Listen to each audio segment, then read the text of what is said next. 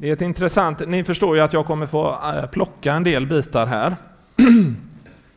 Ehm, alltså jag ska bara säga det att Efesierbrevet då är ett speciellt brev för att eh, under en period så trodde man alltså så här att det måste ju vara anknytning till den där staden som Paulus är i, Apostlärningarna 19, eh, där det står liksom han vänder upp och ner på en hel stad genom att bara predika evangeliet.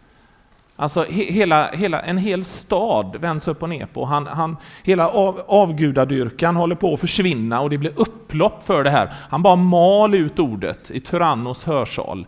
Mellan två och tre år, man är inte säker.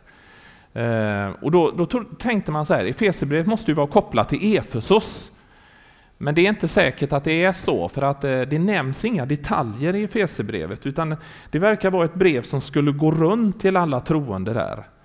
Eh, och eh, när det väl gjorde det då så, så blev det uppläst överallt. Och, och det, det, det, var så att kristna satt och väntade på det här. Och det är ett brev som visar på den universella kristenheten. Och eh, Kristus som är personlig och uppstånden på samma gång. Alltså personlig Jesus från Nasaret, men han är den universelle Herren, vilken är allts centrum.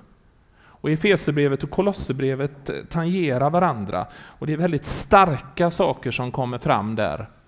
Till exempel, jag ska ta det innan vi går till texten, till exempel så visar det att Gud hade en A-plan med världen, att det var meningen att allting skulle vara sammanfattat i Sonen.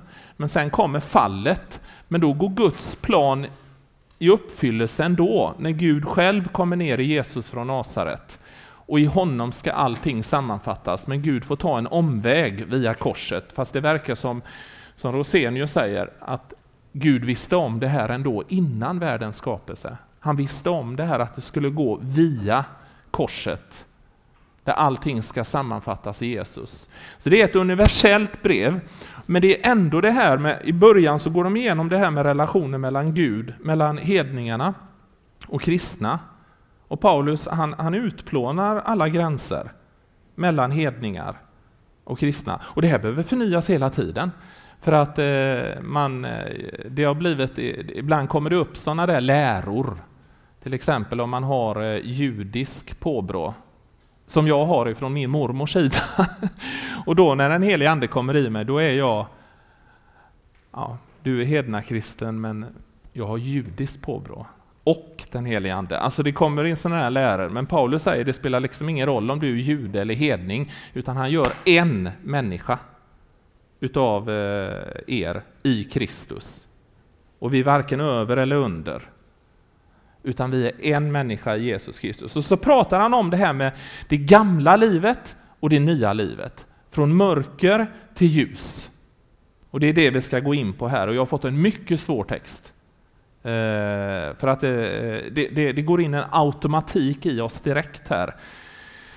Eh, att, att, vi ska, att man hamnar under lagiskhet. Ni hörde alla saker som vi, vi ska göra och inte göra och så här.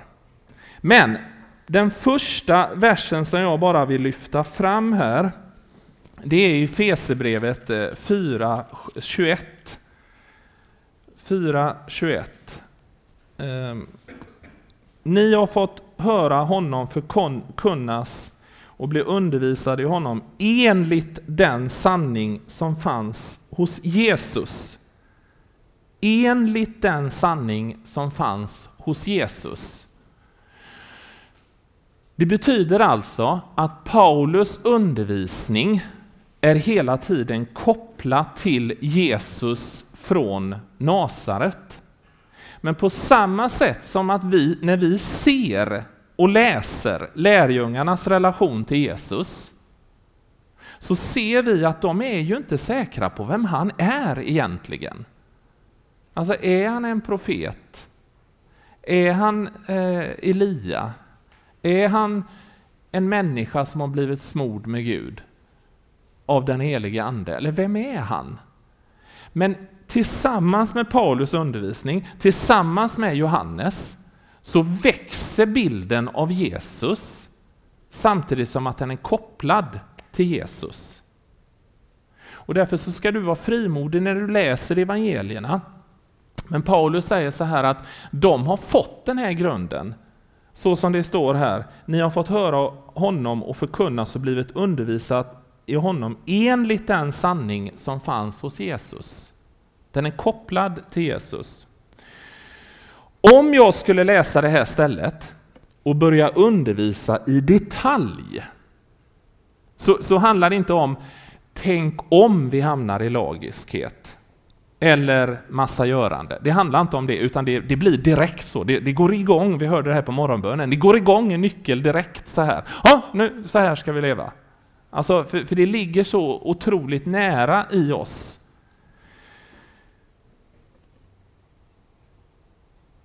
När Paulus undervisar och när Paulus skickar sina brev så har han en intressant bit och det är därför jag vill ändå tryckimpregnera den i början. Ni vet att det var en bibellärare en gång som fick höra så här.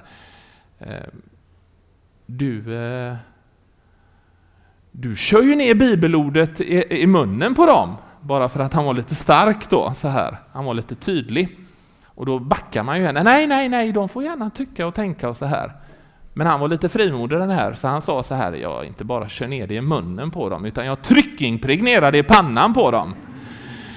Eh, och jag vill säga det, man kan inte nog tryckimpregnera det här med nåden. För att annars så går det igång en nyckel med oss, eh, det går igång en mekanik med oss direkt när vi läser i Fesebrevet och så börjar vi tycka ja, alltså börjar vi se ner på dem som inte lever efter det här och, och så skäms vi över det och så, och så hamnar vi i det som kallas lagiskhet. Jag vill säga det, när Paulus skriver sina brev så är det ofta som han skriver till de heliga. Känner ni igen det uttrycket? Och en av de roligaste församlingarna han skriver det till, det är ju en sån församling som vi skulle ha sektförklarat, bortförklarat och skrattat och skrivit om i tidningarna. Korintierförsamlingen. Alltså de söp bokstavligen sig fulla under nattvarden. Det var ett tag sedan du såg det va? Eller hur? Och någon släkt, någon levde med sin fars hustru. Och folk kunde inte skilja på, ta inte illa upp nu, men folk kunde inte skilja på om det, var, om det var prostitution eller om det var ett vanligt möte, för folk kom precis som de var. Och sen mitt i det här så skulle de vara karismatiska. Och då tänker man så här, det är ju en sån församling som är gjord som gjord för eh, nyheter och media och allt det här. Mitt i det här så skriver ändå Paulus utgångspunkten till er heliga. Vad menar han när han skriver så till den mest eh, röriga församlingen? Vad är det som Kristus har gjort oss till, det som vi är innerst inne? Ja, det är helig. Har ni Bibel så vill jag att ni slår upp eh, Romarbrevet, eh, Romarbrevet 8, Och jag, det, jag, kan inte nog tryckimpregnera det, för annars så återigen, det går igång en mekanik i oss och så hamnar vi under lagiskhet istället. Så säger Paulus så här i Romarbrevet kapitel 8. Så finns nu ingen fördömelse för den som är i Kristus Jesus. Ty livets andes lag har i Kristus gjort mig fri från synden och dödens lag. Det finns ingen fördömelse för den som är i Kristus Jesus. Inte ens, observera, om du tar den här texten som vi läser, ehm, den här texten som vi läser med alla görande sen. Det finns inte ens fördömelse om du tar den på allvar, för om du tar den på allvar så kommer du också känna att du felar och brister i det här vi ska titta på några grejer sen. Romarbrevet 8 säger det finns ingen fördömelse för den som är i Kristus Jesus. Alltså, jag ska ta ett grovt exempel. Det är inte så grovt tänker du. Nej, men det, blev, det var grovt när man såg det då. Ronald Biggs känner ni inte till. Det var 60-talets det största tågronet, tågronet, tågronet, tågrånet i eh, Englands historia. Du känner igen det? Fruktansvärt stort rån. De fick så mycket pengar så att Alltså, det var, det var helt, alla skrev om det. Det var en enda sak engelsmännen ville göra. Det var att få fatt i Ronald Biggs och alla de andra. Och de plockade en efter en. För kommer man undan med det så kommer, eh, så kommer det vara rån, för det var en värdetransport. Då kommer det rånas hela tiden. Vad han, gjorde, eh, han kom undan, men så kom han till Australien och så var eh, de i, eh, i hälarna på honom. Och så åkte han till ett annat land så var de i hälarna på dem, för nu var det bara Ronald Biggs man skulle plocka då. Så åker han till Brasilien. Och så upptäcker brasilianarna, det finns inget, eh, för engelsmännen, han är i Brasilien, så upptäcker brasilianarna att eh, vi har inget utlämningsavtal mellan England och Brasilien. Ah, vi är så trötta på den där kolonialmakten som ska ha sitt språk som talas över hela världen och vi tar inte det här längre, vi lämnar inte ut Ronald Biggs. Så plötsligt så blir det polisiär sak och landsak och nationell sak. Beskydda Ronald Biggs, han ska kunna röra sig i Brasilien. Och då ser man Ronald Biggs sitta på en stol där, en solstol, lite tjock sådär, och bara sola på en strand i Brasilien. Stor bild i både brasilianska och engelska tidningar. Och han bara njuter. Och de är vansinniga engelsmännen. Men det här är inte att släppa det här, men det är faktiskt det Gud har gjort genom Jesus Kristus när han har placerat oss i Kristus. Vi läser det. Så finns nu ingen fördömelse för den som är i Brasilien. Ty livets andes lag har i Kristus Jesus gjort mig fri från synden och dödens lag. Finns inget utlämningsavtal, finns inget utelämnande. Vi är i Brasilien. Vi är skyddade. Så stark är nåden och därför så säger Paulus det till de heliga i Korint. Jag ska ta ett eh, ord ifrån Efesierbrevet kapitel 2 som vi har här. Vers 8. Ty av nåd är ni frälsta. Efesierbrevet 2, vers 8. Ty av nåd är ni frälsta genom tron, inte av er själva. Guds gåva är det. Inte på grund av gärningar, för att ingen ska berömma sig. Ty hans verk är vi skapade i Kristus Jesus till att göra de goda gärningar som Gud har förberett, så att vi ska vandra i dem. Allt är Guds verk. Jag berättade om den eh, känslan, den upplevelsen, det förfärliga året jag var med om 2005.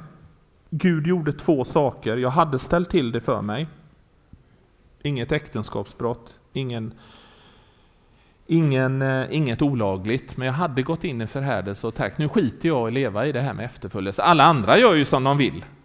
Varför ska jag, eh, varför ska jag vara ja, det är ju så här. Så Gud gjorde två saker. Det ena var att han visade hur det var att vara utanför Kristus.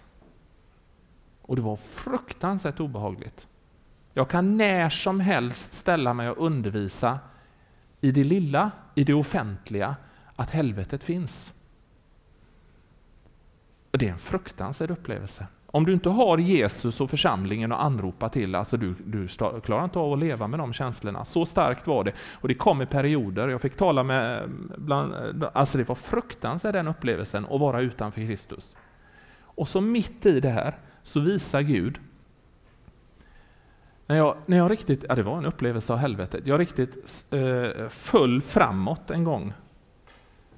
Och då visar Gud en stor regnbåge i dessa dagar, ni vet, regnbågen. Men det var en stor regnbåge. Eh, Gud tar tillbaka det, halleluja.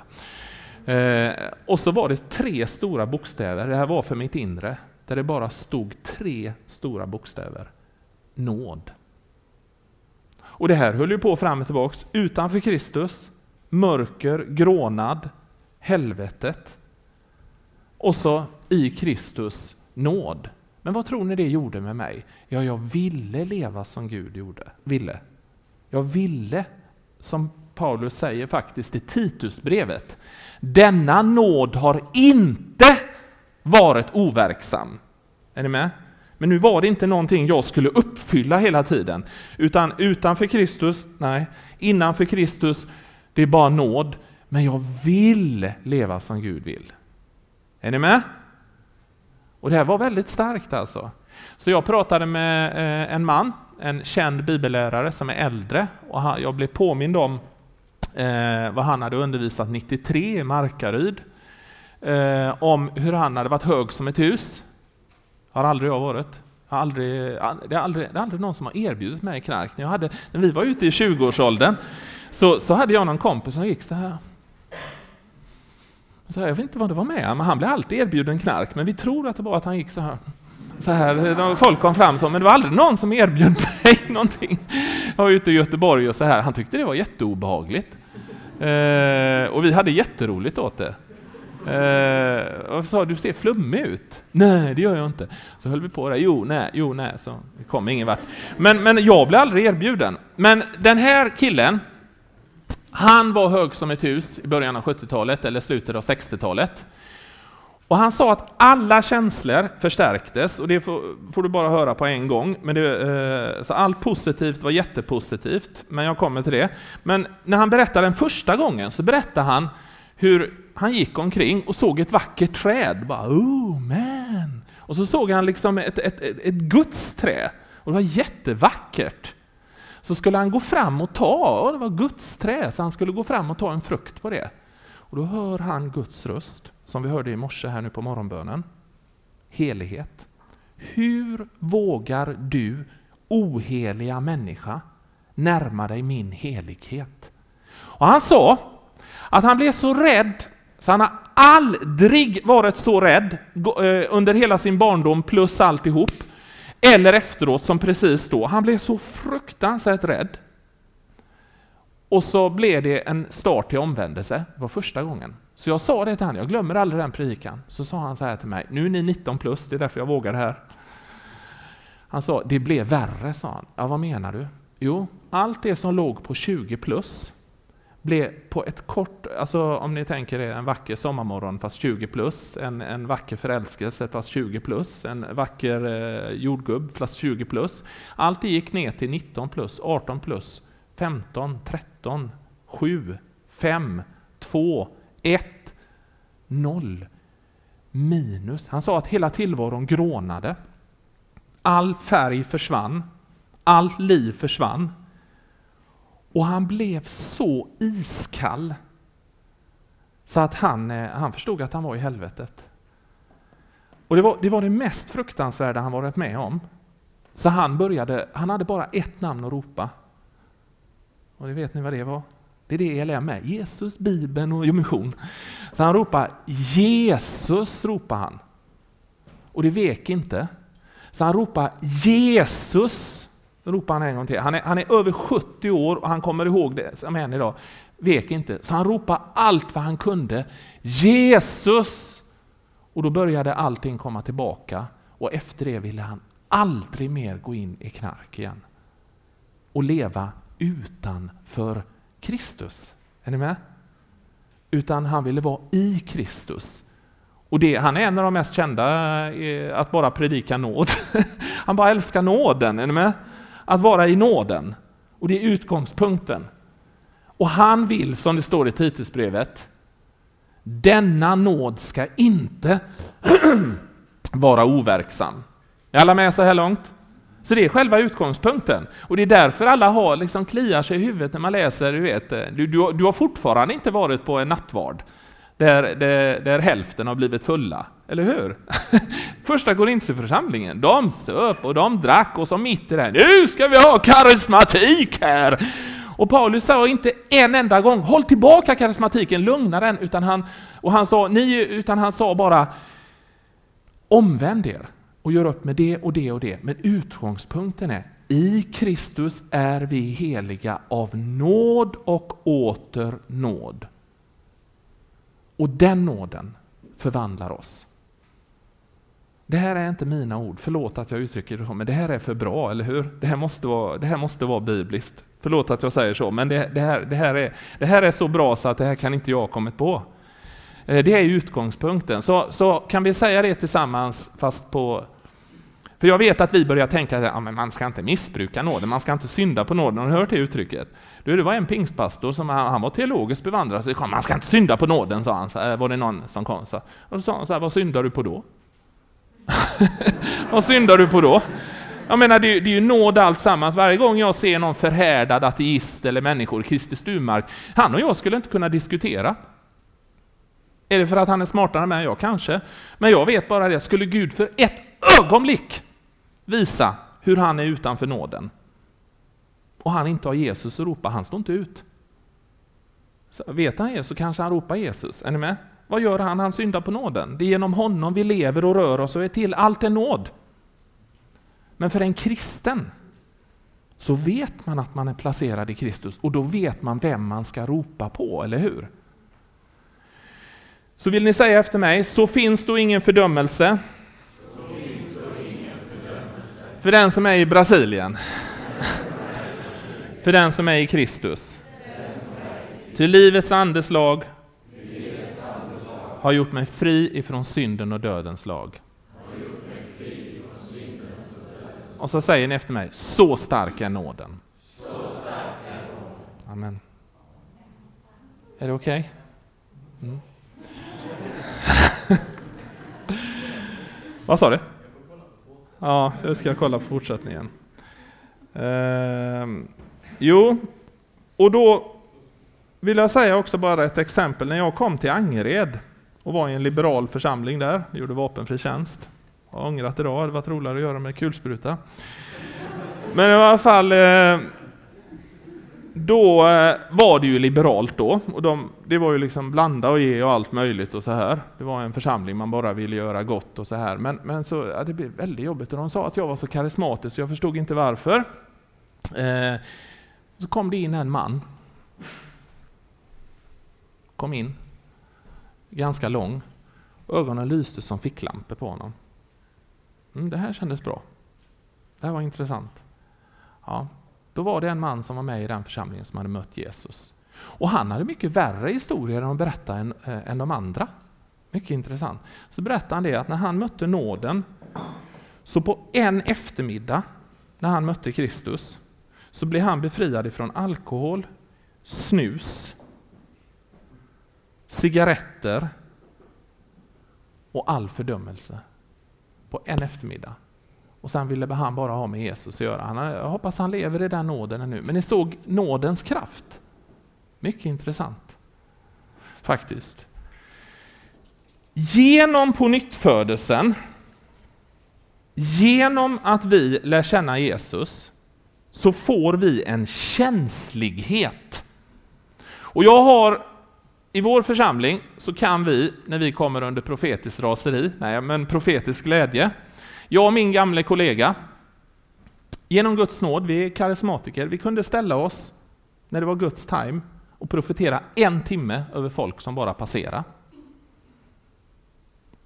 För vi tycker om det livet, vi tycker om att höra den helige Ande och allt sånt där. Men det gör ju att man har fått många profeter av uppmuntran, uppbyggelse och tröst. Uppbyggelse, uppmuntran och tröst. Men det är en profetia som är starkare än alla andra. Och det är en tjej i påska, i nyår på en konferens. Jätteliten profetia, men så sa hon bara så här. Jag ser en pil som har träffat dig i din barndom ifrån Gud. Det var allt. Det är den starkaste profetian som jag har fått på alla år. Och vad handlar det om? Jag visste vad hon menade. Jag träffades av Guds nåd. Jag träffades av Gud. Och med det så kom en känslighet in. Är ni med? En känslighet att vilja leva som Gud vill. Är ni med? Så det är liksom trots all undervisning och allt sånt där, en känslighet av att vilja göra som Gud vill.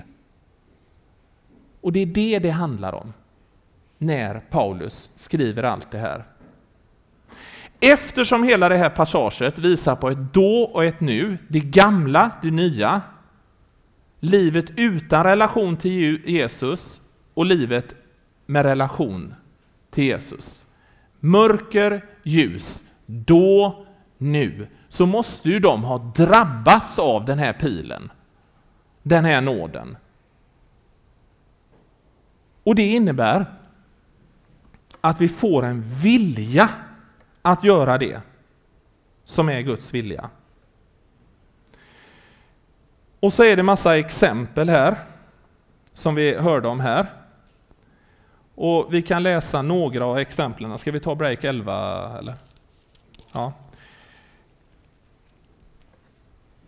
Kapitel 4. Jag, jag lyfter här några bitar. I Herrens namn varnar jag er därför, lev inte längre som hedningarna, deras tankar är tomma. Alltså, det är inte sådana ni är. Vers 22. Ni har lämnat ditt förra liv och lagt av den gamla människan som går under och bedragen av sina begär och ni förnyas nu till ande och sinne. Vers 24. Ni har iklätt er den nya människan som är skapad till likhet med Gud i sann rättfärdighet och helhet. Fortsätta uppmaningar. Lägg därför bort lögnen och tala sanning med varandra. Vi är ju varandras lemmar. Tjuven ska sluta stjäla och istället arbeta och uträtta något nytt med sina händer, så att han har något att dela med sig åt den som behöver. Vers 29. Låt inget oanständigt tal komma över era läppar. Tala bara det som är gott och bli till välsignelse där sådana behövs, så att det blir till glädje för dem som hör på.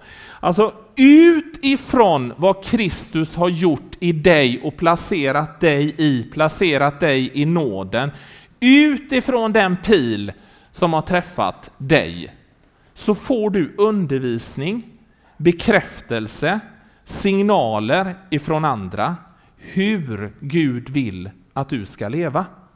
Är ni med? Men börjar vi utifrån en lagisk syn uppfylla det här, då kommer en doft av snålhet, av fördömelse, av missunnsamhet eh, över oss emot andra. Och då kan det bli, eh, eh, eh, eh det, det kan bli oerhört eh, snålt sammanhang. Och det här är lite känsligt för att då blir det, men då lever ju folk som de vill. Nej, det gör de inte, för nåden är så stark. Och så får vi en yttre struktur och bygga, ja men det här vill inte Gud. Jag visste inte, jag kommer från totalt icke-kristen bakgrund. Jag visste inte alltid vad Gud ville, men jag gick ofta på den inre rösten. Förstår ni vad jag menar med den inre rösten? Den inre kompassen.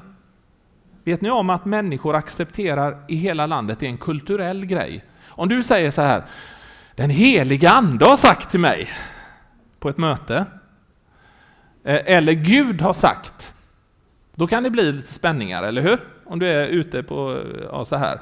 Men du har fått på din arbetsplats, på din skola, så har du fått vad som är Gud, eh, vad Guds vilja. Men vet vad du ska säga? Den inre rösten säger i mig.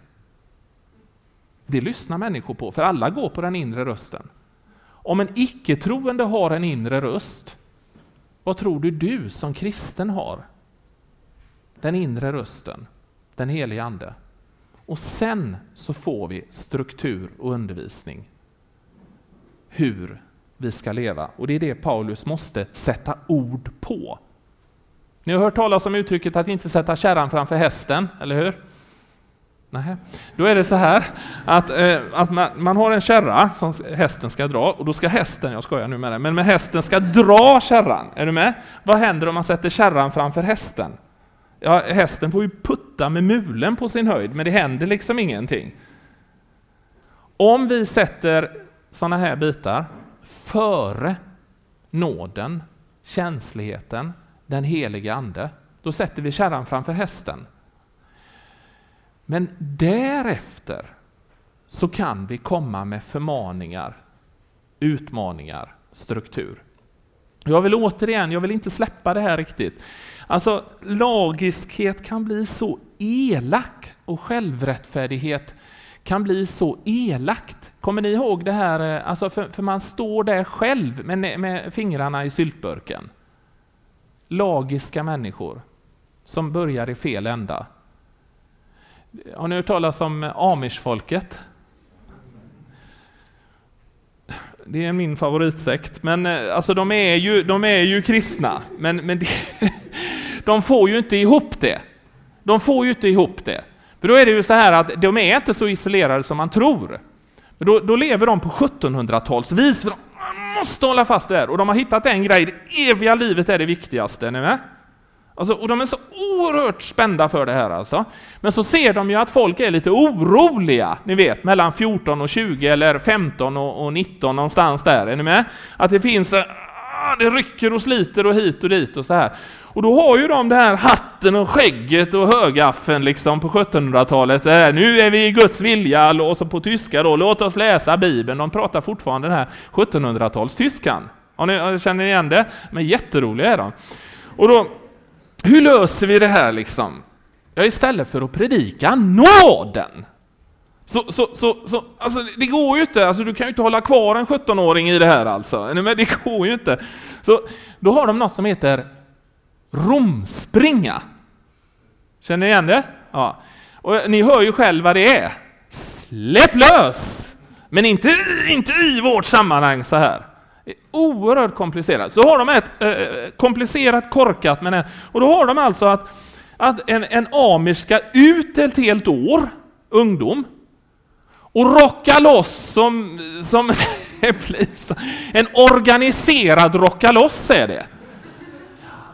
Alltså, och samtidigt kan jag känna sån sympati med dem, för de hittar ingen annan lösning. Men vet du vad de har? Då har de, om någon dör under den perioden, då går han till helvetet. Och, så, och då kan de gamla sitta där, och så säger de så här, ska, ska du ut på romspringa? Och så ser man att de egentligen tycker det är kul också. Ja, men hur, korkad, hur korkad lagiska får vi vara? Alltså det är ju självrättfärdighet. Jag hade varit orolig, hade, hade, jag, hade vi haft romspringa i min församling, alltså jag hade inte kunnat sova. Jag har inte kunnat sova på hela natten under ett helt, eller jag hade inte kunnat sova under ett helt år. Om, om, om jag skulle organisera sånt. Sån är självrättfärdigheten. Då sätter man kärran framför, alltså man organiserar för man hittar ingen lösning. Istället för att låta nåden och kärleken. Det finns en känd predikant eh, i, i, Sverige, en av de eh, duktigaste. Han berättar det, att det fanns inte en bön ifrån hans föräldrar, det fanns inte en eh, gudstjänstbesök som hjälpte honom förrän han kom en gång hem, han hade varit ute och, och söpet. Och då hade hans föräldrar mött den helige ande, som vi kommer komma till så småningom. Och hade hans föräldrar mött den helige ande och mött nåden, så de bara satt och grät här och hade förberett liksom smörgåsar med leverpastej och gurka och mjölk till honom när han kom hem där och han tänkte att han skulle få en utskällning som vanligt. Och då sitter han där med liksom leverpastej, och han, han såg att hans mamma hade skurit de här gurkorna och lagt på leverpastejen och det var liksom bara, vi vill bara säga att vi älskar dig! Är ni med? Vi älskar dig! Vad, vad tror ni förvandlade honom? Ja, det var ju nåden. Är ni med? Den leverpastejsmörgåsen med den mjölken och den gråtande mamman där mitt i kvällen, det hjälpte honom mer än allt annat. Än alla lagiska regler. En av de mest korkade självrättfärdiga grejerna, det gör ju fariseerna när de ska utmana Jesus på, på, på eh, vad heter det, tempelplatsen. Och då ska de ställa några, några, några frågor. Ska vi betala? Ska vi betala till, till, eh, vad heter det, kejsaren? Eller ska vi inte betala? Och så blir det det här, nu ska vi få dit honom. Säger han att vi ska betala så får han eh, judiska folket emot sig. Säger han att, att vi inte ska betala så får vi romarna emot honom. Ah, ah, ah, nu har vi han och så framstår man som så rättfärdig. Vet du var de står någonstans? På tempelplatsen. Vet du vad judarna själva hade undervisat och tryckimpregnerat i pannan på dem? Får inte ha några hedniska mynt på tempelplatsen. Aha! Och vad tror du Jesus säger så här? Visa mig ett mynt. Hade jag varit Jesus, för jag är en begränsad person, så hade, hade, jag, så hade jag sagt så här, Got you! Eh, men istället så fortsätter Jesus och tar dem på allvar och de är tagna med byxorna nere med fingrarna i syltburken. Är ni med? Sån är självrättfärdigheten om man börjar och sätter kärran framför vagnen. Men nåden är så stark. Och då kommer vi till ett intressant uttryck här det sista, innan vi ska ta en paus. Och den vill jag att vi alla läser i den meningen att du har du bibel eller sånt med dig. Det är alltså det, det är ett av nyckelställena för det här. Det är kapitel 4, vers 30.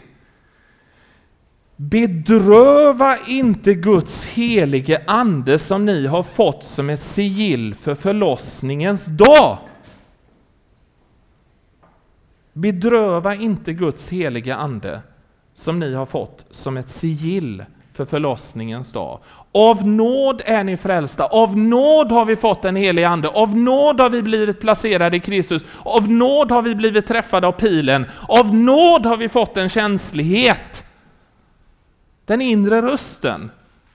Och när vi då börjar uppträda som om vi är utanför Kristus, svär och gormar och slåss och skäl och super och, och bedriver allt sånt precis som det bara är normalt, vad gör vi då?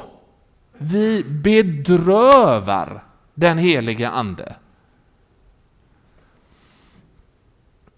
Alltså bara, är det någon som har varit i ett sammanhang någon gång, du har bara känt dig fylld av nåd och frid, och så har ett samtal gått över ända.